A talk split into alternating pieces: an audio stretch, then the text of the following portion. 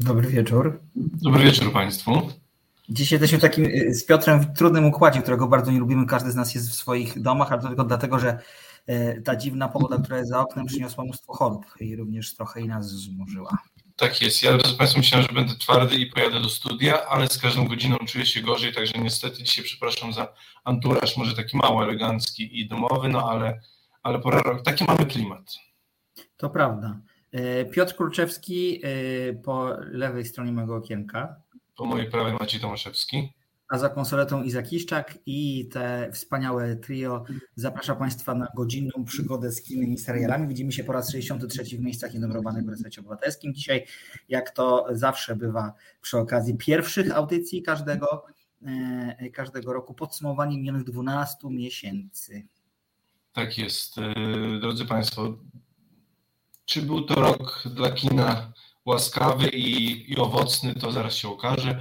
E, mi się wydaje, Maćku, że jest lepiej niż po pierwszym półroczu, bo po pierwsze półrocze mieliśmy troszkę, te podium było oczywiście zajęte, ale troszkę, mi się wydaje, że momentami było na wyrost, a druga połowa roku ewidentnie nam troszkę, troszkę dodała wartościowych pozycji do dzisiejszego zestawienia.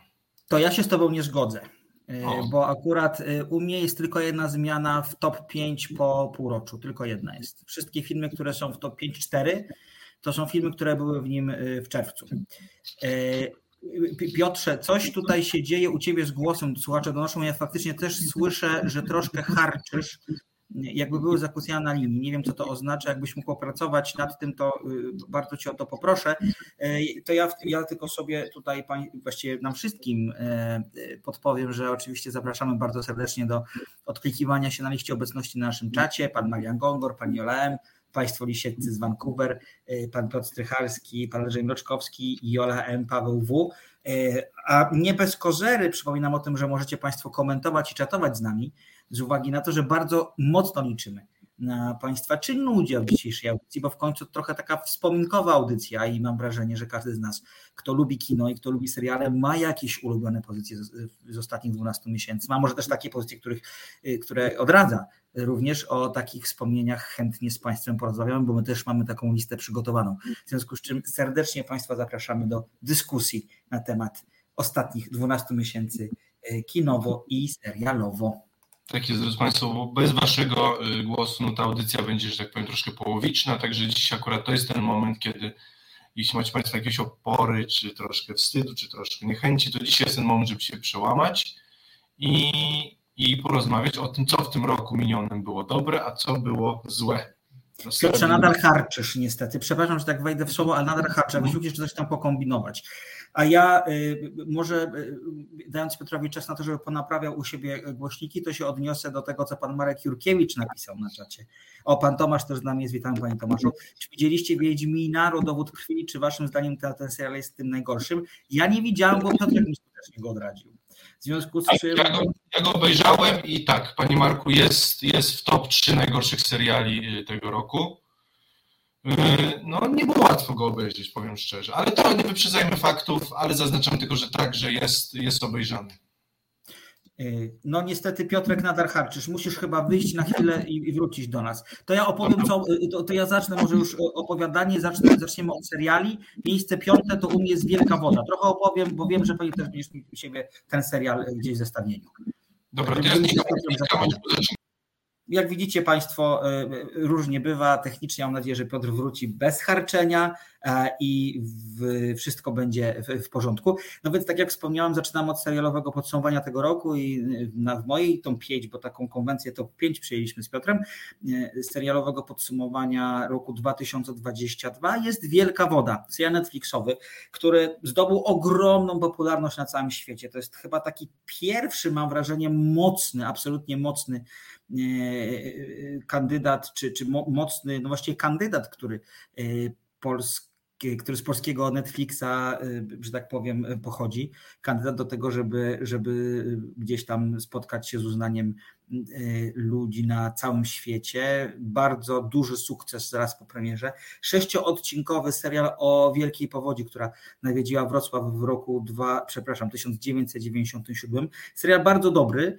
E, serial e, niezwykle sprawnie zrealizowany, świetnie zagrany, z główną, główną rolę w tym serialu gra Agnieszka Żulewska, która gra panią hydrolog, której niekoniecznie nikt, niekoniecznie ktoś wierzy, kiedy przewiduje dalsze dalszy sposób zachowania się Odry, która zmierza do Wrocławia w bardzo dziwnym kształcie. Mm, jest harda, a jednocześnie jest niezwykle delikatna. E, wyjechała jakiś czas temu z rodzinnego Wrocławia, teraz do niego wraca, a przy okazji powodzi załatwi też parę, e, parę e, prywatnych spraw. Co powiedzieć? Jest bardzo dobrze ten serial napisany. Są trzy tak naprawdę w nim wątki. Wątek Jaśminy, czyli głównej bohaterki granej przez Żulewską jej przyszłości.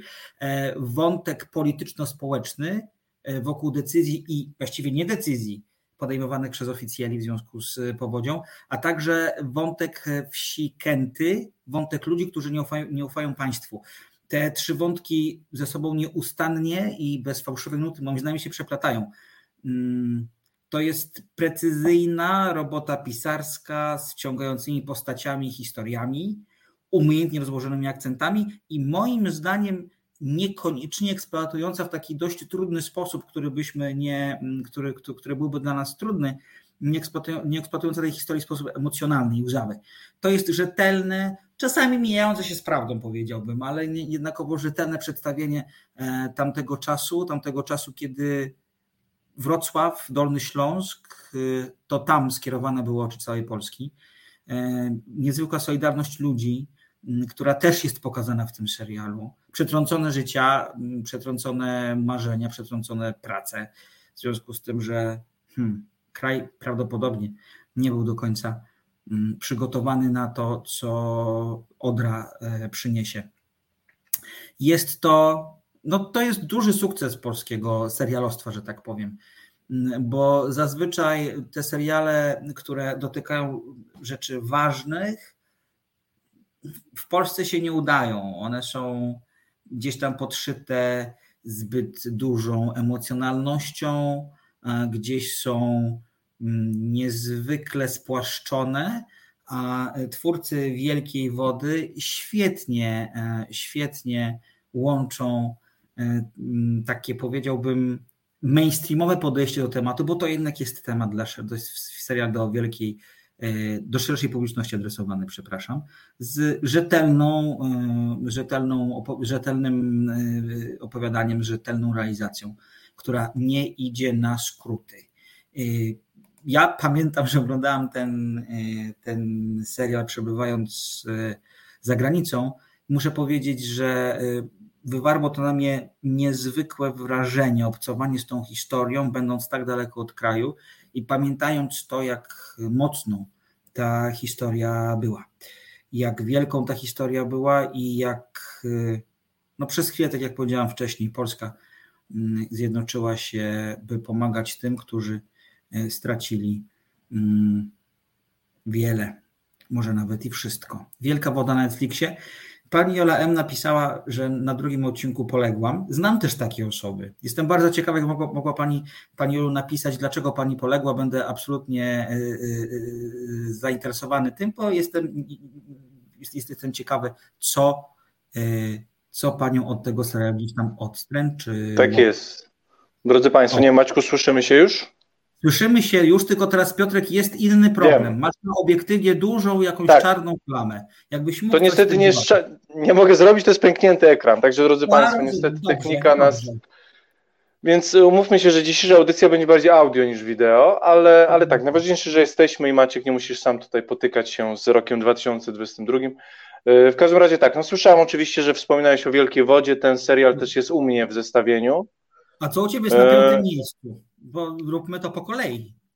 A po kolei, no właśnie ja miałem troszkę problem, bo jeśli z mhm. kinem wyszło lepiej, to z serialami rzeczywiście jakby to umiejscowienie było ciężkie. Y, ja powiem tak, ja z serialami niestety zrobiłem sześć pozycji, bo jednej nie mogłem uniknąć. Jasne. Y, no, słuchaj, nie wiedziałem, której stracić. Masz wielką wodę w swoim zestawieniu? Tak, mam Wielką Wodę w swoim zestawieniu no na, na czwartej pozycji. No to proszę, to chwila dla Ciebie w takim razie, opowiedz o niej. O Wielkiej Wodzie? Tak, ze swojej perspektywy. Z mojej perspektywy, dobrze. Wielka Woda, yy, drodzy Państwo, to dlaczego ona u mnie jest tak wysoko w zestawieniu, bo to też troszkę jest kumulacja pewnych czynników. Mi się wydaje, po kilku latach posłuchy mamy do czynienia z pierwszym serialem Netflixa, któremu nie można, który jest po prostu cholernie dobry, jest bardzo dobry. Y, I to, co możemy powiedzieć po kilku miesiącach, jak z Maćkiem rozmawialiśmy tuż po premierze, mieliśmy tylko y, perspektywę polskiego widza, to teraz po tych kilku miesiącach y, serial jest też, no, mówiąc szczerze, to jest sukcesem na arenie światowej i zasłużenie, bo to jest kawał dobrego serialu, on mnie wcisnął w fotel, świetny scenariuszowo, wreszcie w polskim serialu były dobre, mięsiste dialogi, wierzyliśmy naszym postaciom, ich motywacjom, e, podążaliśmy za nimi przez ten zalany Wrocław. I to, co się udało w tym serialu, co dla niektórych też, jak wspomniałeś, może być zarzutem, to jest to, że w tym serialu powódź gra troszkę tło, nie gra głównej roli. To nie jest film katastroficzny, to jest film o ludziach w obliczu katastrofy. Tak. Wiem, że troszkę osób liczyło na to, że będzie tam więcej tego aparatu państwowego, że będzie to kino społeczne, o tym, jak Polska jest troszkę takim, no niegotowa była do, do tego kataklizmu. Natomiast to, że skupiono się na osobistych historiach, to, to dla mnie było wielkim sukcesem, bo każda z tych trzech historii miała sens i, i była wartościowa i ja do końca razem z naszymi bohaterami jakby no podążałem tą historią i byłem ciekawy, jak się skończy. Szczególnie y, wątek głównej bohaterki i jej matki w tej roli cudowna y, y Anna Dymna, Mm, no to jest coś, na co warto było czekać po prostu. Jeśli mam subskrypcję na Netflixie, to po tym serialu mi się wydaje, że ona się spłaciła. Wspaniale. Y, y, wielka woda omówiona. Przepraszam, tak trochę będę pilnować czasu dzisiaj, bo mamy go niezwykle mało, biorąc pod uwagę to, ile chcemy Państwu powiedzieć. E, y, o, dla niego rok 2022 to Nawalny, e, skrytka The Outfit i Girl in the Picture. E, to ciekawe pozycje. Nie wiem, czy ja ich nie mam, Piotrze, nie wiem, czy ty je masz. Ja też nie. Ja też niestety Super, ich nie więc mam. Fantastycznie, fantastycznie, że się tutaj rozmijamy. I właściwie powiedziałeś to, co ja chciałem powiedzieć na samym początku, ale w związku z tym, że na chwilę zniknąłeś i trochę mi się założył tok myślenia, nie powiedziałem. Ta moja pierwsza piątka, a właściwie szóstka, bo ja też miałam sześć seriali, ale na szczęście udało mi się stwierdzić, że Lekomania nie podpada pod te zestawienie, ponieważ ona miała premierę w roku 2021. Ja ją widziałam co prawda w roku 20, 2022 i uważam, i uważam uważam, że jest to najlepszy serial ostatnich lat, bez wątpienia, po prostu i tyle, kropka. To na szczęście nie będę musiał o nim rozmawiać, w związku z czym z szóstki zrobiła się piątka i u mnie na miejscu czwartym jest Będzie Bolało.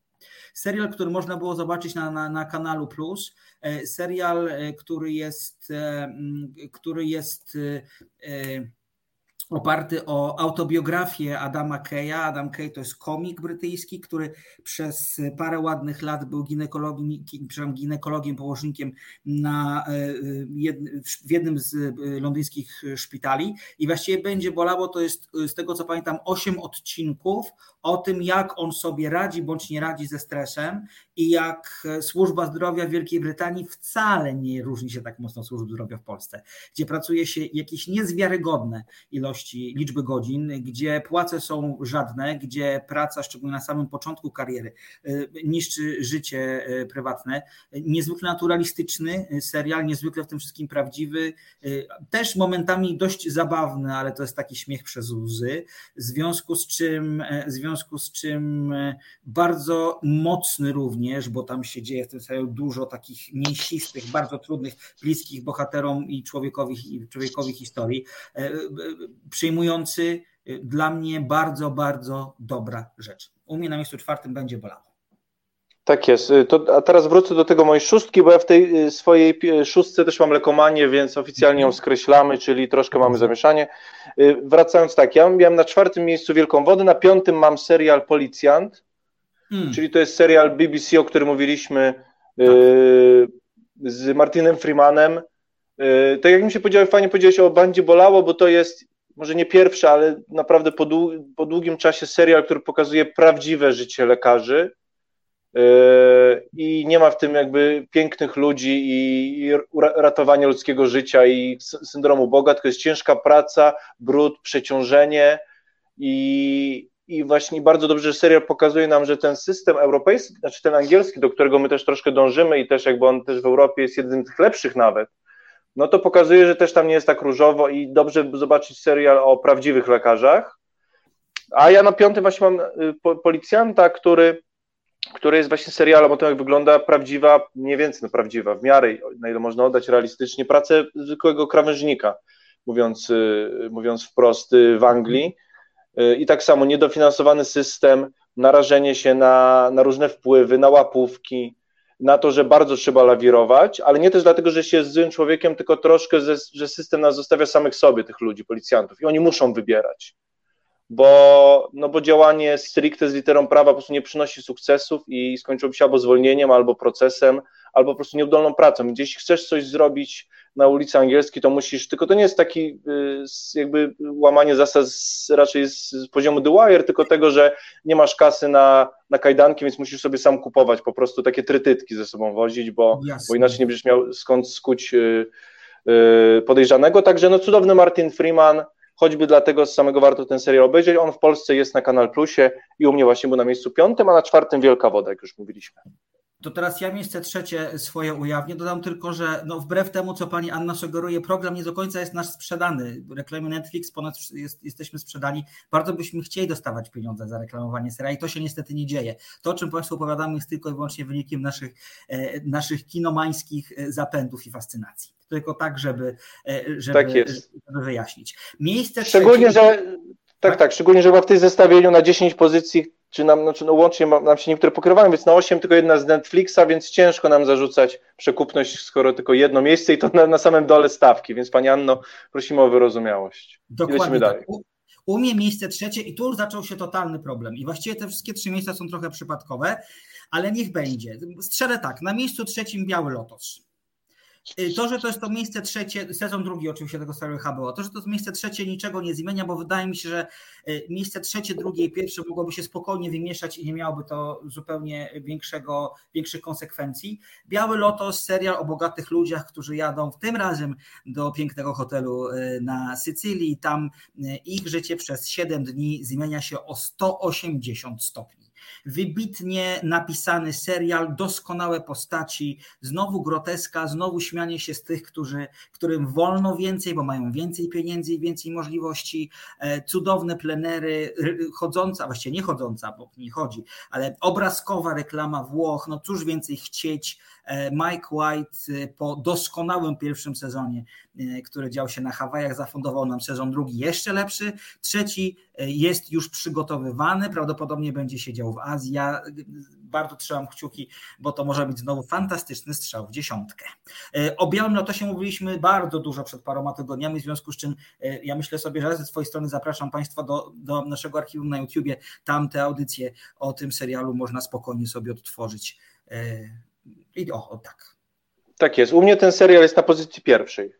No, Chociaż też rzeczywiście, te, ale te podium, tak jak powiedziałeś, pierwsze trzy miejsca to jest rzeczywiście taki wyścig, że ciężko już tutaj jakby um, oceniać filmy, dawać im jakieś oceny takie, bo to jest bardzo zbliżone, ale tak jakby, no to jest coś, szczególnie, że y, drugi sezon jest lepszy od pierwszego. Ja doceniałem pierwszy sezon, ale nie byłem jego wielkim fanem, więc tym bardziej jakby tutaj Mike White ze swoim formatem no skradł moje serce, bo, no bo to jest serial wybitny. Jeśli życie szukamy Yy, kurczę, teraz mam ciemne, czy to jest rozrywka. Bo tam jest bardzo nieprzyjemnie, więc. Yy, to jest jakaś rozrywka perwersyjna w jakiś sposób, oczywiście. Tak. Bo z jednej strony chcielibyśmy być na miejscu bohaterów, z drugiej strony bardzo byśmy nie chcieli być na ich miejscu. Więc... Tak jest. No ale rzeczywiście zostawiając, bo ten serial był w audycji omawiany, także jak najbardziej yy, wybitny serial i mi się wydaje, że dwie czy trzy pozycje w tym roku są wybitne, a jedną z nich właśnie jest na pewno Biały Lotos. High Res pyta, czy widzieliśmy Black Mirror. Oczywiście widzieliśmy Black Mirror. E, to jest serial, który również wzbudza dużo nieprzyjemnych e, emocji w dobrym tego słowa znaczeniu. Zdecydowanie też rzecz warta polecenia. Piotrze, to co u Ciebie na miejscu drugim w takim razie? E, u mnie na miejscu drugim już patrzę. Wiem, że u Ciebie Maćku tego nie będzie, ale mimo wszystko jest to, jest to Ród Smoka. Bardzo proszę, bardzo proszę. Ten serial omawialiśmy, kiedy Ty byłeś na słonecznych wakacjach, Aha. więc Ciebie z nami nie było ale tak, ale y, szczególnie, że, że balonik, no bo gra o tron no jest już nie tyle serialem, co jakby zjawiskiem kulturowym. To jest coś, co na, na zawsze odmieniło y, scenę serialową na świecie i szczególnie te pierwsze 4-5 sezonów, no to cały świat czekał. I przypomnę Ci, te pierwsze kilka sezonów jeszcze było wtedy, kiedy streaming w Europie był bardzo niepop... znaczy był mało dostępny, więc rzeczywiście co niedzielę czy poniedziałek jakby miliony ludzi czekały na 20 czy na 21, żeby zobaczyć odcinek Gry o Tron. Tak. E, to, w jaki sposób prowadzimy historię, to, że to, że to, co teraz jest, pan Tomasz napisał, że formuła odrażających, brudnych, złych zyskuje popularność i dobrze. Oczywiście to, że mamy opowiadanie o, o historii, o, tak naprawdę o rycerzach i smokach z perspektywy palenia, gwałtu, morderstw, a dalej tym postaciom kibicujemy i, i jakby z nimi podążamy, je kochamy, no to jest coś, coś, coś wyjątkowego. Wszyscy wiemy, jak ten serial się skończył. E, no i mówię, no i dla e, już następcy no była bardzo wysoko zawieszona, pod, zawieszona e, poprzeczka, bo wszyscy po prostu spodziewali się może nie tyle co, co klęski, no co jakby takich popłuczyn, już trochę wtórnego serialu, który niewiele miałby do zaoferowania, a po, po tym, jak ten serial jest nakręcony i rzeczywiście ciężarze historii przede wszystkim, bo, bo mamy tutaj jakby no przede wszystkim, rzeczywiście mamy po raz kolejny walkę o tron, rzeczywiście, że tak powiem, na noże, i, i te postaci się kochają, mordują, bracia, siostry, szczególnie, szczególnie ten wątek, bo y, szybko powiem Państwu, że y, bohaterowie należą do, do, do rodu Targaryanów, który ma w zwyczaju y, małżeństwa jakby no ze, bardzo bliskich ze sobą spokrewnionych osobach, więc rzeczywiście tam y, jakby no wujkowie żenią się ze swoimi siostrzenicami i tak dalej, przeciwko sobą knują. I to nie jest telenowela, właśnie zrobić serial, kiedy wujek jest mężem swojej siostrzenicy i żeby nie wyszła z tego telenowela, tylko mroczny mroczny tak naprawdę kryminał, fantazy, no to jest, to jest wielkie, y, wielkie coś i aktorsko jest świetny, akurat to gra o Tron była cudownie, bo jedynym aktorem Bryty, amerykańskim był Peter Dinklage, który później wypłynął bardzo, mhm. Y, czyli Tyrion Lannister, tutaj też mamy większość aktorów brytyjskich, australijskich, to jest serial bardzo tak szekspirowsko-teatralny, bardzo angielski w swoim stylu. No po prostu kawał dobrego, dobrego serialu i ja jestem bardzo zadowolony i już prawie niesmak po, po finałowych dwóch, trzech sezonach Gry został zmyty. Okej. Okay. E, u Piotra e, na miejscu drugim możemy powiedzieć spin-off Gry? To będzie dobre? Chyba, chyba, chyba tak, ale mi się wydaje, że w przypadku tak jak Better Call Saul czyli coś, co miało być tylko spin-offem, Breaking Bad już ma swoje życie i tyle nagród i ten serial przewyższył już tak naprawdę oryginał i mi się wydaje, że jeśli będzie nakręcony yy, że tak powiem rzetelnie i też nie będziemy go rozciągać na 9 sezonów, tylko zamkniemy go w 3-4, żeby ta historia była wiarygodna, to może być tak, że spin-off przewyższy oryginał i wtedy będziemy mówić o spin-offie, tylko jakby no, bardziej o grze o tron. Znaczy o rodzie smoka niż grze o tron. Jasne. Yy, yy, Ród Smoka Piotra na drugim. U mnie na drugim e, serial, który powod, jak sobie o nim myślę, to powoduje u mnie ciarki na plecach, bo ja od 16, czy właściwie już teraz 18 lat, bo już mam rok 2023, pracuję nieustannie w krwiożerczych korporacjach. A mam na myśli serial Rozdzielenie. E, serial Rozdzielenie, który można zobaczyć w Polsce na Apple. Serial, który jest czarnym koniem nagród Emmy i Złotych Globów. Serial o krwio, o, o, o korporacji, która właściwie o ludziach, którzy decydują się pracować w korporacji, przy czym ona im rozdziela życie na prywatne i zawodowe. Polega to na tym, że kiedy pracownicy wchodzą do budynku, dzięki chipowi, który jest, im, który jest im wszczepiony do głowy, zapominają o tym, co dzieje się w życiu e, prywatnym. Natomiast kiedy wychodzą z budynku, zapominają o tym, co się dzieje w życiu, e, w życiu zawodowym. E, serial, który jest alegorią tego, jak korporacje mogą prać mózgi, o tym, jak mogą zniewalać, o tym, jak mogą wprowadzać pracownikom małe więzienia e, w głowach, a także i w duszy. No, serial jest to bardzo dotkliwy, on jest przeestetyczny, no nigdy nie mówiliśmy jeszcze w audycji, on jest przeestetycznie tak. zrobiony, niewiarygodnie, wręcz pięknie zrobiony.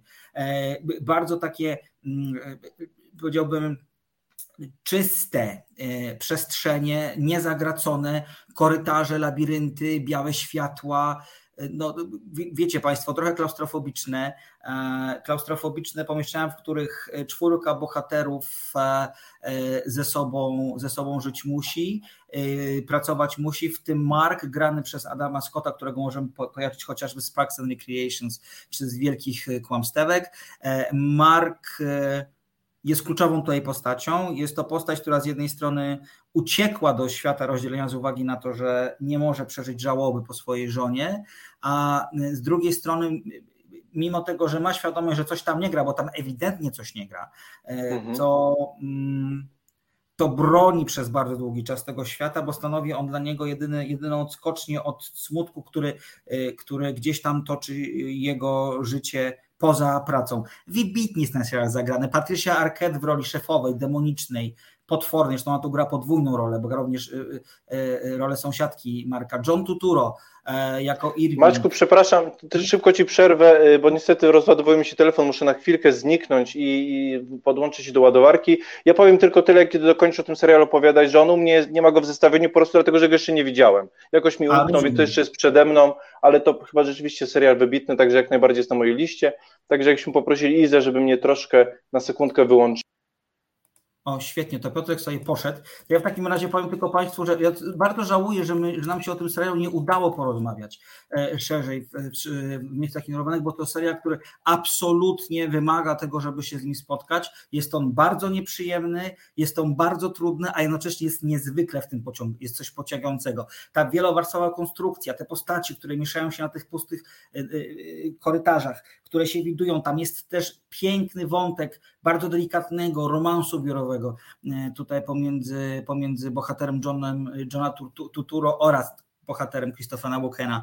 E, bardzo ciekawe spojrzenie na taką e, korporacyjną dystopię. Tak bym to określił. Zresztą pan Andrzej Moczkowski napisał zdecydowanie rozdzielenie Y, też mi się podobało, Biały Lotos też, ale to zupełnie inny klimat i sposób opowieści, jednak na podobnym poziomie wciągającej historii, oczywiście, bo te historie wciągają, zresztą w powiększeniu, przepraszam, nie w powiększeniu, w rozdzieleniu jest coś bardzo takiego sprytnego, ponieważ akcja wcale nie idzie jakoś specjalnie do przodu w każdym odcinku, ona jest bardzo powolna, karty są odkrywane bardzo powoli, wtedy kiedy przyspiesza, bo zdarza się oczywiście jej przyspieszyć, szczególnie bardzo mocne są tu cliffhangery na koniec każdego e, odcinka, to potem następuje spokój i to jest takie niezwykle, niezwykle słodko-gorzkie sposób opowiadania tej historii i przez to y, niezwykle przejmujące i takie bardzo prawdziwe mam wrażenie na poziomie, na poziomie zupełnie metaforycznym. Przerażająca perspektywa, pisze pan Tomasz, ale nierealna, bo zniszczyłaby zdrowie pracowników momentalnie. Pewnie tak, ale mamy tutaj generalnie jakby trochę dystopijny, futurystyczny, postmodernistyczny serial o tym, jak korporacje E, kradną duszę swoim pracownikom. To może zróbmy tak, że oczekując na powrót Piotra, dzisiaj mamy bardzo dużo przedziwnych e, problemów technicznych w naszej e, audycji, to ja ujawnię swoje miejsce pierwsze. Miejsce pierwsze jest to serial Kanal Plus, ja polski Minuta Ciszy. Jest to moim zdaniem jeden z najbardziej wybitnych polskich seriali wszechczasów. To jest historia o dwóch mężczyznach e, w tej roli Robert Więckiewicz, w tych rolach Robert Więckiewicz i Piotr Rogucki, e, którzy prowadzą zakłady pogrzebowe gdzieś świętokrzyskiem. Jak doskonale sobie zdajemy sprawę, zakłady pogrzebowe to bardzo intratny interes, e, w związku z czym pojawienie się w życiu Jacka Walecznego, wiecznego, granego przez Roguckiego konkurenta na rynku, no powoduje początek no, drobnego kataklizmu, kataklizmu e, społecznego, przyjacielskiego, e, pieniężnego, no bo nikt nie chce, żeby do tak zwanego koryta E, które się zajmuje, dorwał się ktoś jeszcze. To jest, trochę, to jest taka trochę This is Sparta w wersji małomiasteczkowej moim zdaniem.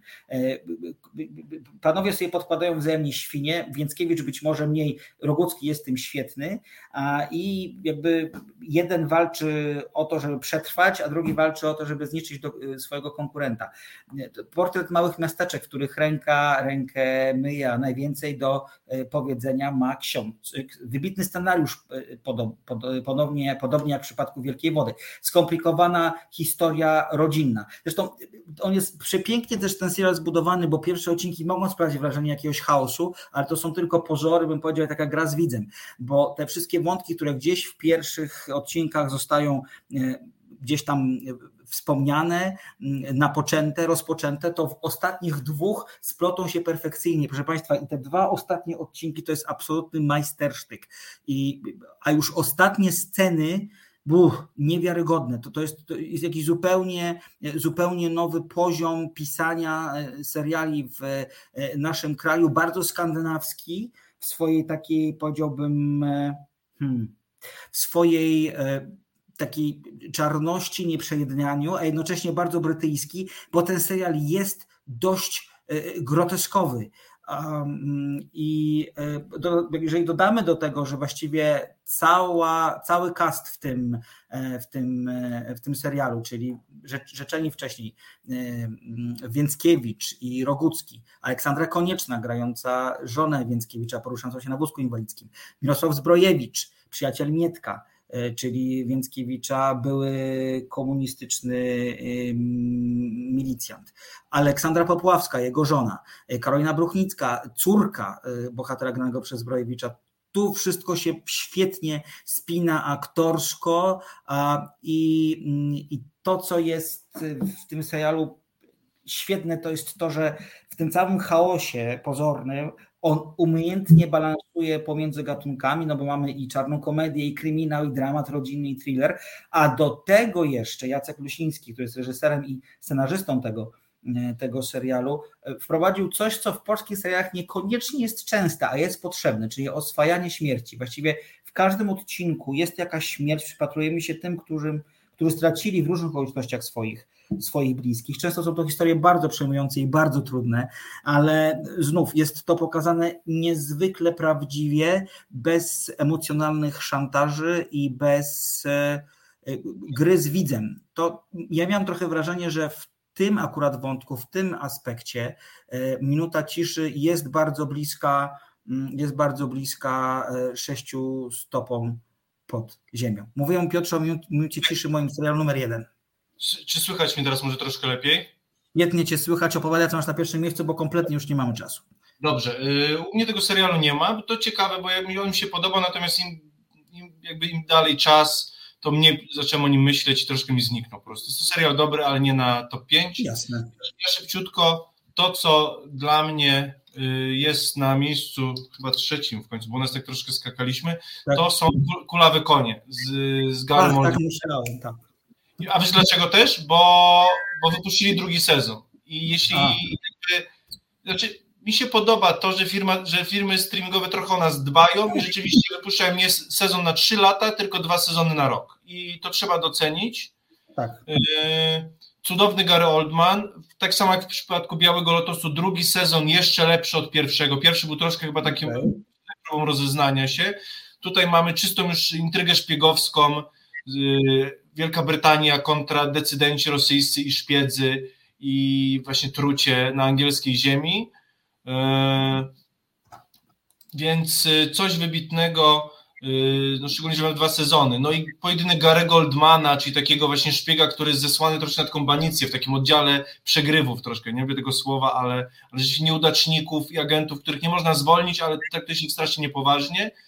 No i poza tym, że jest to serial świetny kryminalnie, a uwielbiam seriale szpiegowskie i o zimnej wojnie, tutaj mam troszkę klimat zimnej wojny w dalszym ciągu, to, to przede wszystkim te postacie są świetnie narysowane, to co, że Maczku po raz kolejny się zgodzimy, że dobra historia się obroni tak, i mamy dialogi, prawdziwe postacie, które mają swoją jakby głębię i swoje, swoje mm, swoje motywacje szczere, no to serial zagra. No i tutaj szczególnie pojedynek Garego Oldmana, czyli tego Jacksona Lamba, czyli tego szefa tej, tej, tej, tego oddziału właśnie nieudaczników i Kirsten Scott Thomas w roli szef, zimnej szefowej MI5, czyli właśnie służby brytyjskiej tej, no i między nimi gra właśnie ustawianie tych pionków na szachownicy jest rzeczywiście cudowne i to, że możemy tak naprawdę 12 odcinków w ciągu roku obejrzeć po godzinę, no to, to to daje to, że, że naprawdę, naprawdę y, ten serial zasługuje na docenienie, szczególnie, że jeśli chodzi o seriale szpiegowskie, to mamy bardzo często coraz więcej serialów troszkę, mimo że serial szpiegowski, to mamy pana z karabiny biegającego po, po ekranie troszkę, czyli jak Jack Ryan,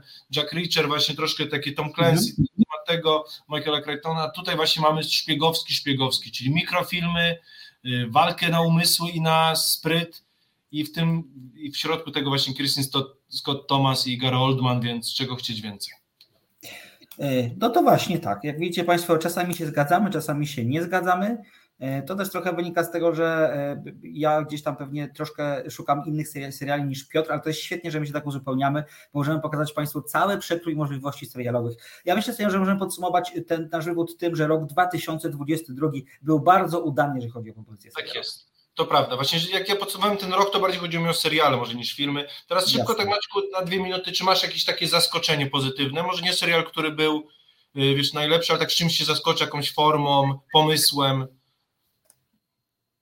Jest to serial, który, który, y, y, który mi się bardzo podobał i on był bardzo blisko tego, żeby, żeby znaleźć się w zestawieniu. To był serial Ktoś Gdzieś. To jest serial HBO, o Sam, która ma lat 40, e, no i musi się wybudzić życiowego letargu. Przecudna historia, bardzo blisko człowieka, znowu ja lubię takie seriale, e, która pokazuje bohaterkę w takim momencie, w którym coś się zmienić musi, z którą ona dotarła do ściany i e, jest to jest to wzruszająca bardzo historia, bym powiedział. Mimo, że tam nie oczekujmy jakiegoś niezwykłego zwrotu w życiu bohaterki, to jednak jest to taka historia, w której mam wrażenie, mogą, mogą się przejrzeć nie tylko kobiety, ale i osoby mniej więcej w naszym wieku, które być może stwierdzają, że ich życie nie idzie takim torem, jakim by sobie tego życzyły. Ja bardzo ten serial tak, polecam. Tak, to, to, to o takich serialach chyba się mówi jako perełka właśnie, że to nie jest coś, tak. co tak właśnie jaśni na pierwszym planie, tylko taka perełka. Tak, ten serial zdecydowanie jest o tym, że bo mamy często seriale, że to wcześniej mówiłem o 20-30-latkach zagubionych, a mało jest o 40-50-latkach. Ten serial dobrze tak. pokazuje, że nie ma, jak się tak powiem, nigdy nie jest za późno, żeby ogarnąć życie i zacząć żyć. Nawet jeśli ma 40-50 lat i ten serial jest bardzo z tego powodu pozytywny. U mnie natomiast jest serial Atlanta. O, Atlanta, no właśnie. Y, dwa sezony w tym roku. Y, serial wymyślony przez Donalda Glovera. Ja szybciutko tylko powiem, serial, który zaczynał się jako takie kino społeczne o, o, o chłopakach z getta, którzy przez rap starają się jakby wyjść z biedy troszkę. I rzeczywiście jako taki y, papierek lakmusowy afroamerykańskiego społeczeństwa, to z każdym sezonem jest coraz mniej linearny, coraz bardziej zagmatwany i w tym momencie, te ostatnie dwa sezony, tam jest bardzo mało fabuły, głównie mamy idee i eseje, czyli to jest intelekt, to naprawdę, nie się tych słów, to jest intelektualny esej o tym, czym jest człowieczeństwo, czym jest równość, czym jest demokracja, czym jest rasizm. I ten, jak ten serial walczy, właśnie jakby zdejmuje nam klapki z oczu, to jest niesamowite po prostu. Więc y, szczególnie jak bardzo on y, dokonał ewolucji z pierwszego sezonu do trzeciego, czwartego, to jest niesamowite. I jeśli ktoś tego serialu nie widział, to szczerze go polecam, bo to jest taka moja, moje bardzo pozytywne zaskoczenie. Szczególnie, że tak samo jak w przypadku Kulawych Koni mamy dwa sezony y, w ciągu roku, także czego chcieć więcej. Ja przyznaję, że muszę się z tym serialem przeprosić, bo ja wymiękłem gdzieś w połowie pierwszego sezonu, chyba nie zupełnie niesprawiedliwie, więc on jest na takim liście e, e, rzeczy do odrobienia. Tak, sezon trzeci, czwarty to mógłby być zupełnie osobny serial, bo to jest całkowicie inna forma i więc, więc Maćku ci polecam. Ale dobrze, zostawmy dobrze. seriale. Także filmy, jest Maćku, filmy. tak jest. Filmy. I teraz tak, znowu proponuję konwencję top 10 e, ja mam to top ten przygotowane, zrobię jedno wyróżnienie e, na samym początku, bo to jest film, którego ja nie jestem w stanie włożyć do tego top ten, bo to jest film, który jest kompletnie nie z tej ziemi, on zupełnie nie przystaje do tego, co dzieje się w kinach. robić top Powiedziałam top 10? Oczywiście, że top 5. Przepraszam, top 5. Nie, nie, nie, top 5. To jest oczywiście Avatar 2. Nie tak. umiem tego filmu zaklasyfikować, on jest poza, poza jakimiś ograniczeniami. Zaskoczenia właśnie, bo to jest dobra kategoria, zaskoczenia. Tak. Coś, co po prostu jest, nie jest w tej pierwszej piątce, ale na pewno zasługuje na wzmiankę, bo to jest coś całkowicie nowego. To jest arcydzieło moim zdaniem sztuki wizualnej i, i co do tego nie ma zupełnie żadnej dyskusji. Zresztą przed dwoma czy trzema tygodniami rozmawialiśmy o tym filmie bardzo, bardzo mocno. Też odsyłamy Państwa do audycji na ten temat na YouTubie, na kanale Resetu Obywatelskiego w zakładce Miejsca Neurowane. Ta audycja jest do odsłuchania. Tak jest. No dobrze, to. To co, mnie... top 5? Top 5. Znaczy u mnie zaskoczyło. To dobrze, zacznij. U mnie na miejscu, ja znowu mam chyba 6, niestety, tak mi się udało. Proszę. Bo nie potrafiłem zostawić jednak bohatera to, okay. że, to, że jednak Farhadi wraca do Iranu i znowu jest dobry po dwóch średnich filmach, hmm. umówmy się. No, to jest jednym bardzo złym. Jednym bardzo złym, bo ten francuski mi się jednak podoba, natomiast ten hiszpański rzeczywiście był filmem nieudany. Yy, no to pokazuje, że to jest po prostu jeden z lepszych yy, współczesnych reżyserów kina po prostu światowego i, i to jak on opowiada te historie, no to, to jest majstersztyk, także to jest kolejne kino, okay. które ja do końca siedziałem jak na szpilkach nad tym tragicznym bohaterem, który właśnie no, pokazuje nam, czym jest prawda, czym jest kłamstwo i, jak, i tak w świecie, który, szczególnie irańskim świecie, który wymaga czarno-białości, nie ma nic pomiędzy, no tutaj właśnie to zniuansowanie, bo nie do końca kłamie, ale też nie do końca mówi prawdę, no, no czyni z niego postać tragiczną i dla mnie jest to film naprawdę, naprawdę świetny. To to jest u Ciebie powiedzmy miejsce piąte, szóste, a kto zajmuje drugie miejsce piąte, szóste? Y, Belfast. O proszę, to ciekawe. Tak, Zaskoczyłeś mnie. To jest taki film, rzeczywiście tak jak film, który bardzo mi się podobał, ale też nie był w moim półrocznym zestawieniu, jak pamiętasz. Mm. To jest jeden z tych filmów, im dłużej o nim myślę, to bardziej wspominam go z, z rozrzewnieniem i myślę, że tym bardziej miał sens i był mądry. Rzeczywiście są takie filmy, takie jak właśnie na przykład Minuta Ciszy bardziej jakby wypłowiała z tymi miesiącami, to film Belfast okay. każdym miesiącem jakby jest u mnie mocny i na pewno to jest film, który obejrzę jeszcze raz albo nawet dwa razy. Czyli y, Kenneth Brana, opowieść o świecie dziecka w Belfaście, z, po polsku się mówi z czasów niepokoju? Z czasów niepokoju zaraz u progu wybuchu wojny domowej. Tak jest, więc, y, no więc Irlandia Północna, świat y, katolików i protestantów, wojna całkowicie, konflikt tak naprawdę nielogiczny, sztuczny, tak na takim poziomie zwykłym życiowym i niezrozumiały mhm. przez mieszkańców, którzy muszą się w tym, w tym jakoś umiejscowić, ale z perspektywy dziecka. I ta perspektywa dziecka rzeczywiście pokazuje tym bardziej też absurd, ale też miłość do rodziny, do, szczególnie do rodziców, do dziadków. Także to jest film, który naprawdę wspominam z rozrzewnieniem i tak jak y, y, mnie niełatwo wzruszyć, to ten film ewidentnie wzruszył mnie do, do kości. To u mnie na miejscu piątym jest zupełnie inną kino gatunkowe.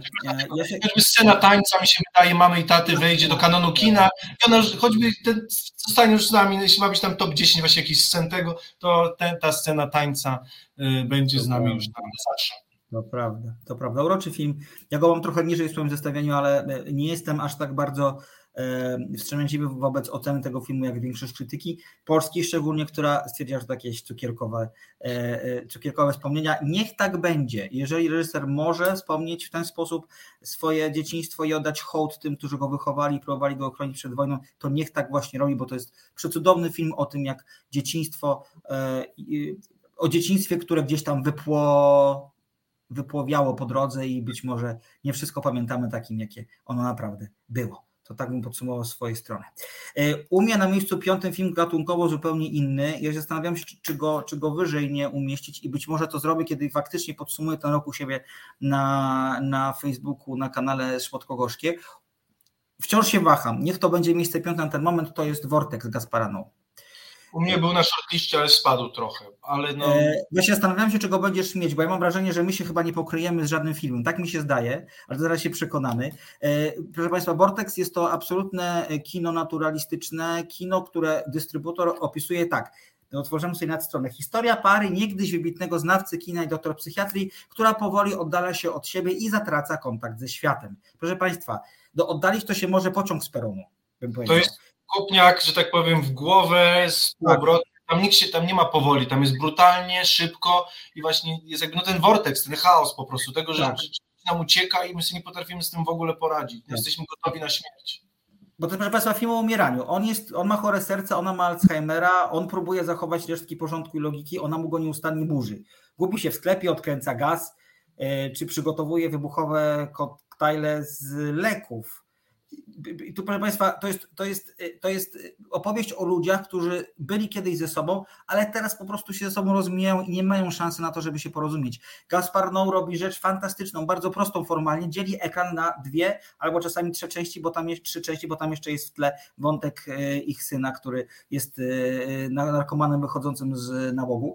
A, I to rozdzielenie ekranu, to jak oni po tym mieszkaniu chodzą, w jakimś mieszka, mieszkaniu, jakiś taki labirynt przypomina. trochę, tak, to tak, tak, tak. I jak oni chodzą, nie mogą się odnaleźć w nim, ciągle coś, ciągle coś im spada, ciągle coś strącają. Y, każdy w swoją stronę gdzieś tam, gdzieś tam po, po, po, po podąża. No to robi przejmujące i piorunujące wrażenie i im dalej w las, tym jest po prostu trudniej. Ja pamiętam, że u mnie z seansu wyszło mniej więcej 30% y, widzów, bo to jest po prostu, no to, to jest taran, to nie jest film, to jest taran, to, to, to jest kino, które wymaga niezwykłej wytrzymałości, a jeżeli doświadczyło się umierania bliskich osób, no to to jest kino, które może być bardzo trudne, co zresztą też udowodniliśmy w tej audycji, ponieważ y, nasza audycja na temat Vortexu to jedna z bardziej przemiających audycji, jaka nam się kiedykolwiek zdarzyła, ponieważ y, jakby nasza opowieść o tym filmie jakoś tak Państwa poruszyła, że zaczęliście się Państwo dzielić swoimi wspomnieniami, swoimi, mm, swoimi trudnymi opowieściami na temat odchodzenia bliskich osób i to, był, to była taka audycja, z której jestem chyba najbardziej dumny e, w naszym, w naszym, tak powiem, dorobku, bo gdzieś kino przeszło bardzo, bardzo prosto w życie i ja byłem bardzo poruszony tym, o czym Państwo e, do nas pisali.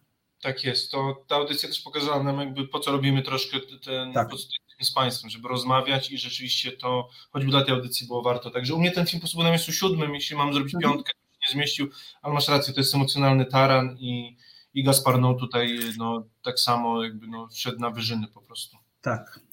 Miejsce czwarte u Ciebie. U mnie miejsce czwarte chciałem docenić polskie kino i Aha.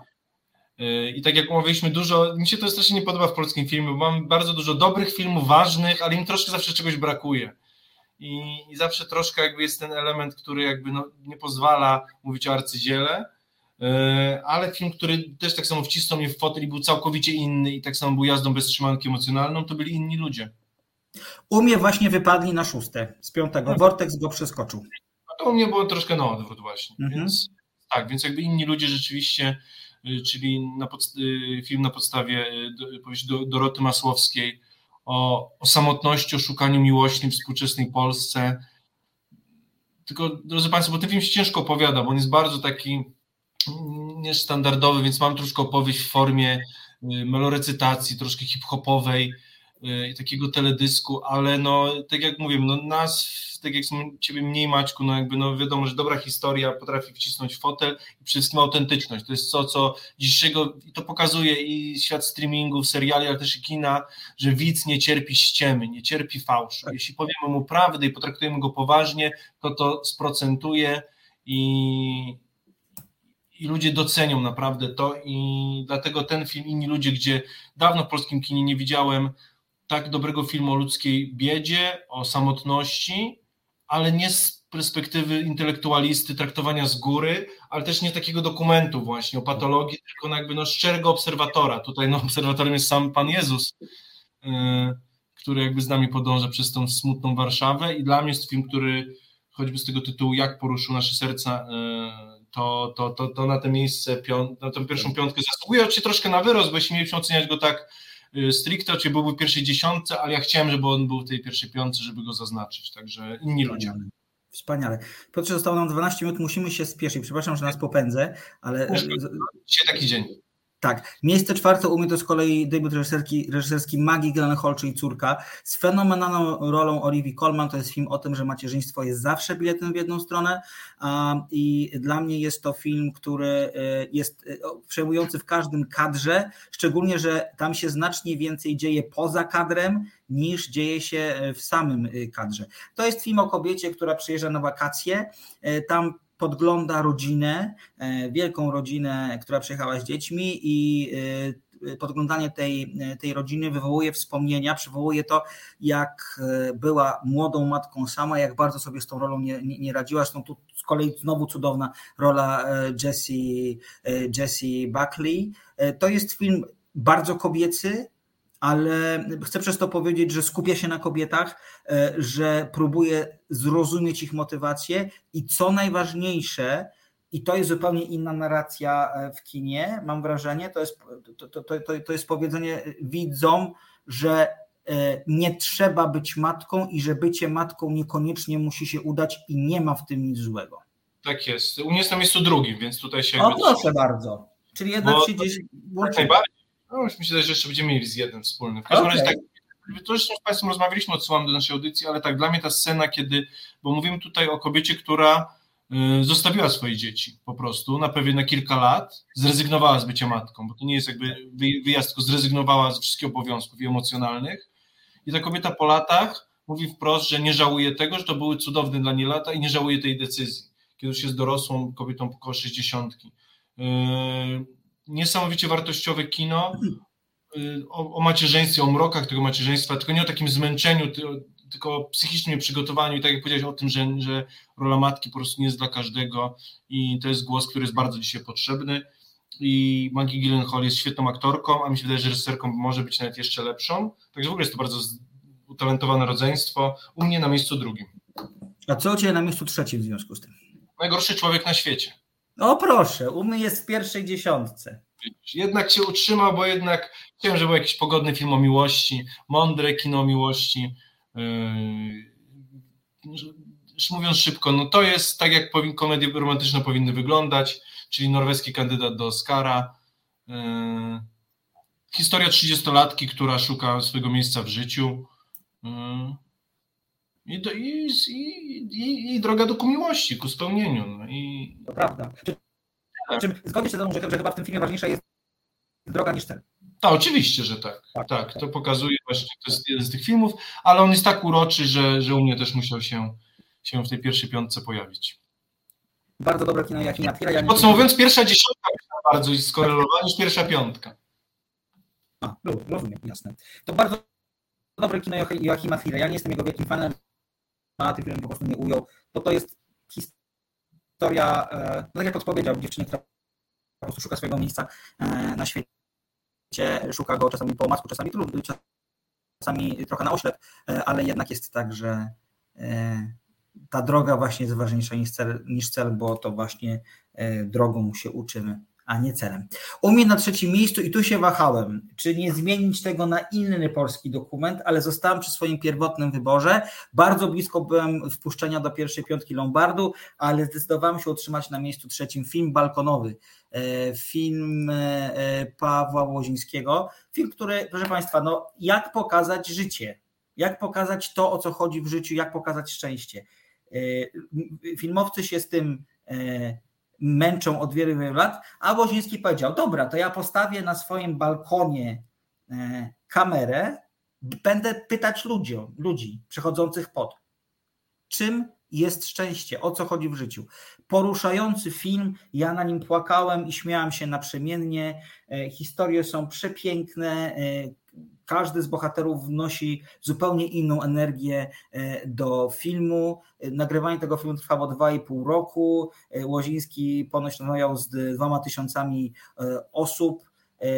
Trochę wymagało to łutu szczęścia, trochę wymagało to zaangażowania czasowego, ale jakby się zastanowić, to jest tak oczywisty pomysł na film, że dziwne, że tak naprawdę tylko wcześniej Kieślowski zrobił coś, coś podobnego. U mnie na miejscu trzecim film balkonowy.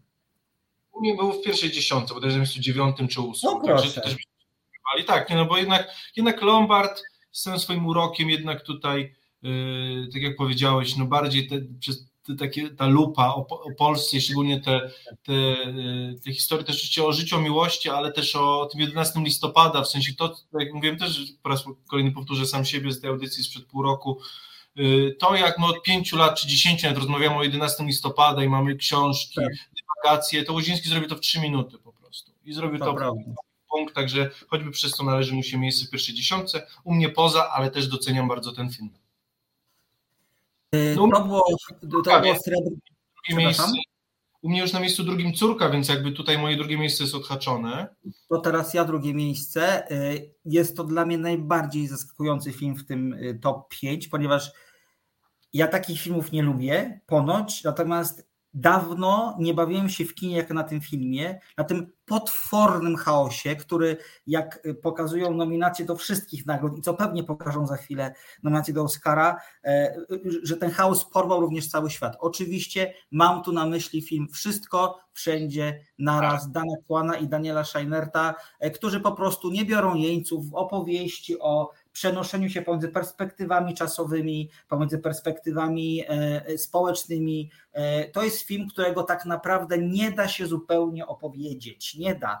Ja próbowałem zrecenzować go u siebie na słodko-gorzkich, ale nawet jak teraz patrzę na tę recenzję, to ona jest tak wypłaszczająca cały sens tego filmu, e, jest tak nieporadna w ujęciu tego, niezwykłego wachlarza emocji, które dzieją się na ekranie, pomysłów, idei, no błagam, no, ręce typu parówki, Bajgiel, który, który, e, Bajgiel, który rządzi światem, a Bad Plug przenosi do innego wymiaru. Proszę Państwa, to brzmi może głupio, ale to wszystko wygląda fantastycznie. Zresztą spotkałem się z taką interpretacją tego filmu, że to jest de facto film o tym, co dzieje się w głowach osób ze spektrum autyzmu.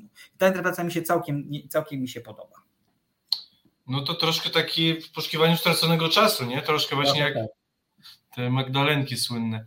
No, yy, drodzy Państwo, teraz tak, u mnie na miejscu drugim, no to już mówiłem, córka, yy, na miejscu pierwszym yy, stracone złudzenia.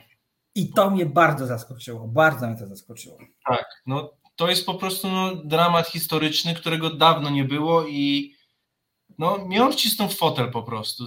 Film w reżyserii Xaviera Giannoli na podstawie e, oparty na powieści Balzaka o takim samym tytule.